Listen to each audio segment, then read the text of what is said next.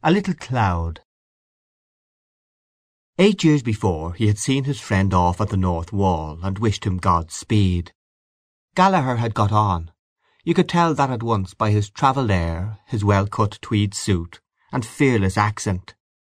Few fellows had talents like his, and fewer still could remain unspoiled by such success.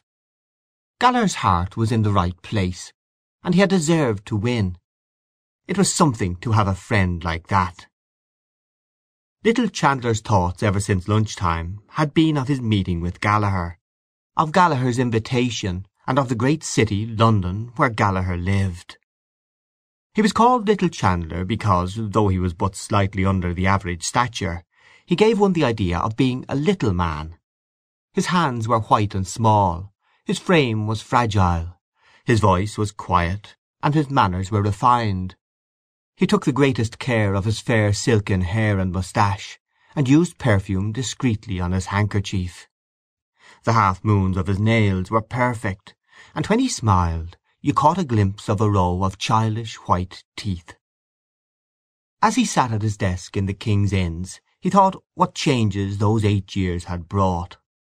The friend whom he had known under a shabby and necessitous guise had become a brilliant figure on the London press.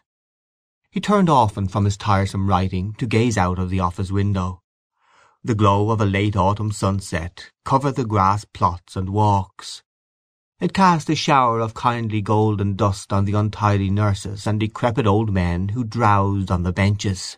It flickered upon all the moving figures, on the children who ran screaming along the gravel paths, and on everyone who passed through the gardens. He watched the scene and thought of life, and, as always happened when he thought of life, he became sad. A gentle melancholy took possession of him. He felt how useless it was to struggle against fortune, this being the burden of wisdom which the ages had bequeathed to him. He remembered the books of poetry upon his shelves at home. He had bought them in his bachelor days, and many an evening, as he sat in the little room off the hall, he had been tempted to take one down from the bookshelf and read out something to his wife. But shyness had always held him back, and so the books had remained on their shelves. At times he repeated lines to himself, and this consoled him. When his hour had struck he stood up and took leave of his desk and of his fellow clerks, punctiliously. He emerged from under the feudal arch of the King's Inns, a neat modest figure, and walked swiftly down Henrietta Street. The golden sunset was waning, and the air had grown sharp.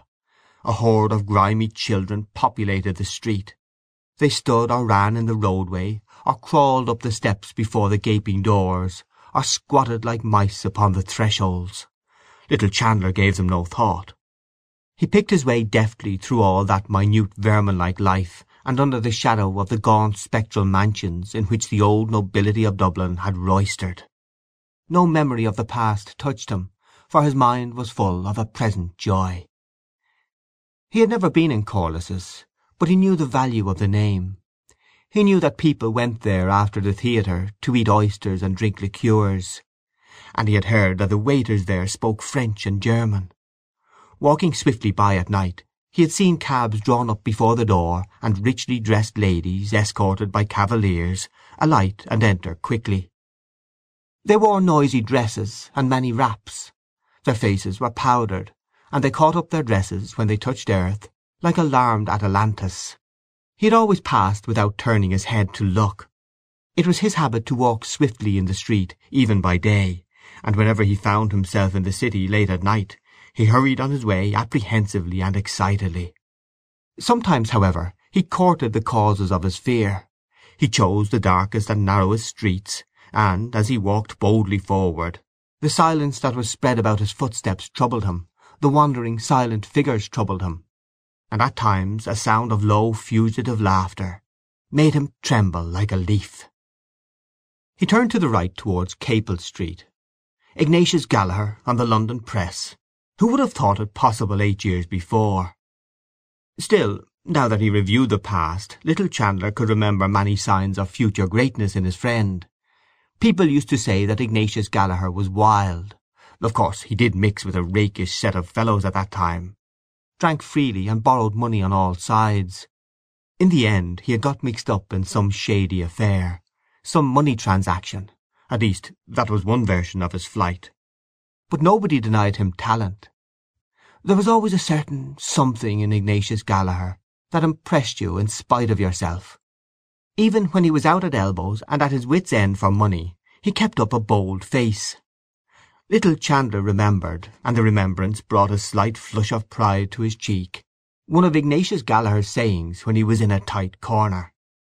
"Half time now, boys," he used to say light‐heartedly. "Where's my considering cap?" That was Ignatius Gallaher all out, and damn it, you couldn't but admire him for it.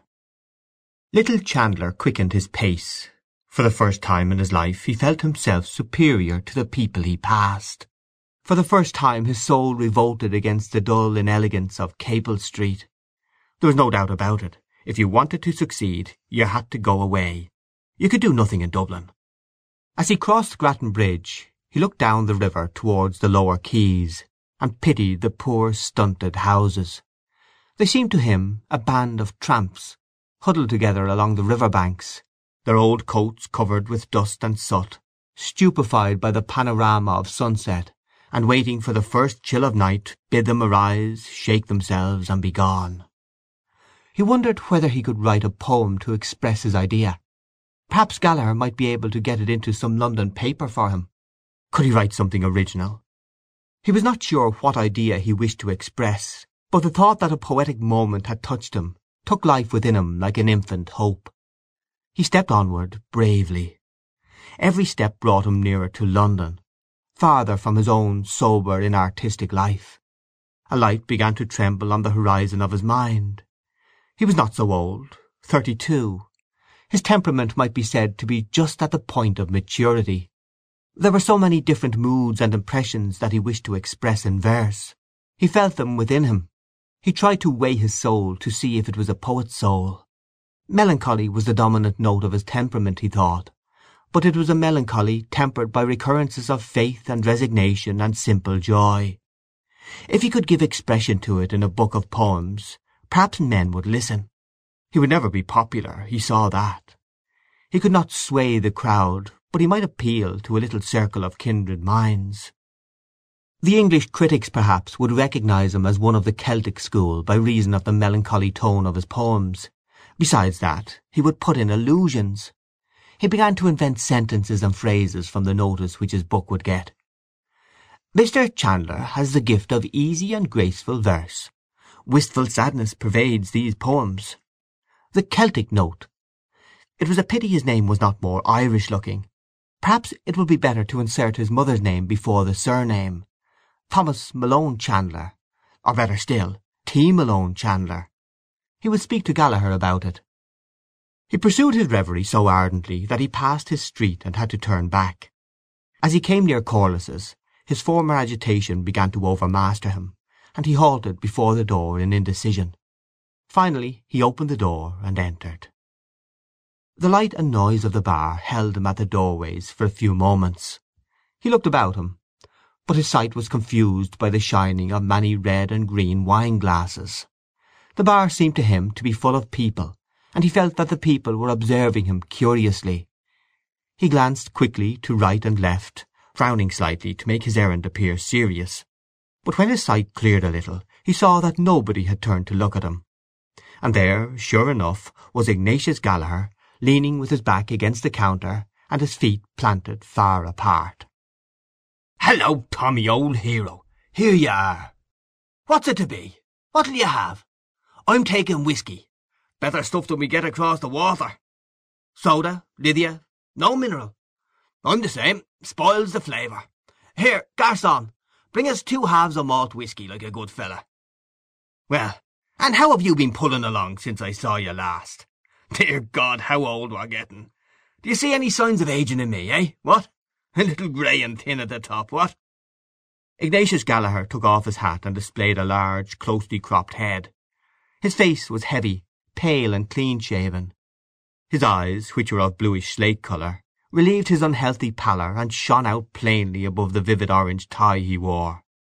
Between these rival features his lips appeared very long and shapeless and colourless. He bent his head and felt with two sympathetic fingers the thin hair at the crown. Little Chandler shook his head as a denial. Ignatius Gallaher put on his hat again. "It pulled you down," he said. "Press life. Always hurry and scurry looking for copy, and sometimes not finding it. And then always have something new in your stuff. Damn proofs and printers, I say, for a few days. I'm deuced glad I can tell you to get back to the old country. Does a feller good, a bit of a holiday. I feel a ton better since I landed again in dear dirty Dublin. Here you are, Tommy. Water. Say when. Little Chandler allowed his whisky to be very much diluted. You don't know what's good for you, my boy, said Ignatius Gallaher. I drink mine neat.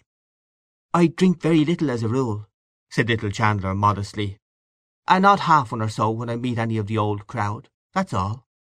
Ah, well, said Ignatius Gallaher cheerfully. Here's to us, and to old times and old acquaintance. They clinked glasses and drank the toast. I met some of the old gang today, said Ignatius Gallaher. O'Hara seems to be in a bad way. What's he doing? Nothing, said little Chandler. He's gone to the dogs. But Hogan has a good sit, hasn't he? Yes, he's in the Land Commission. I met him one night in London, and he seemed to be very flush. Poor O'Hara. Booze, I suppose.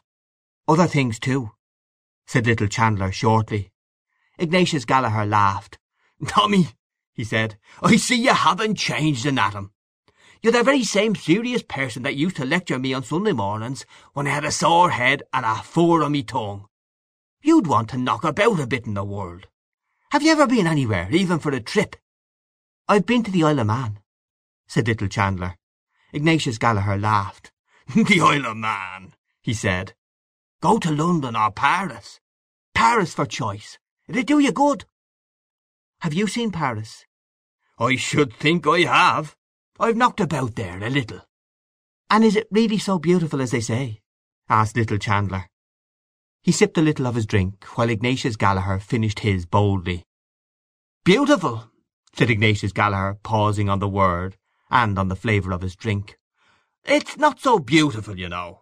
Of course, it is beautiful, but it's the life of Paris. That's the thing. Ah, there's no city like Paris for gaiety, movement, excitement. Little Chandler finished his whisky, and after some trouble succeeded in catching the barman's eye.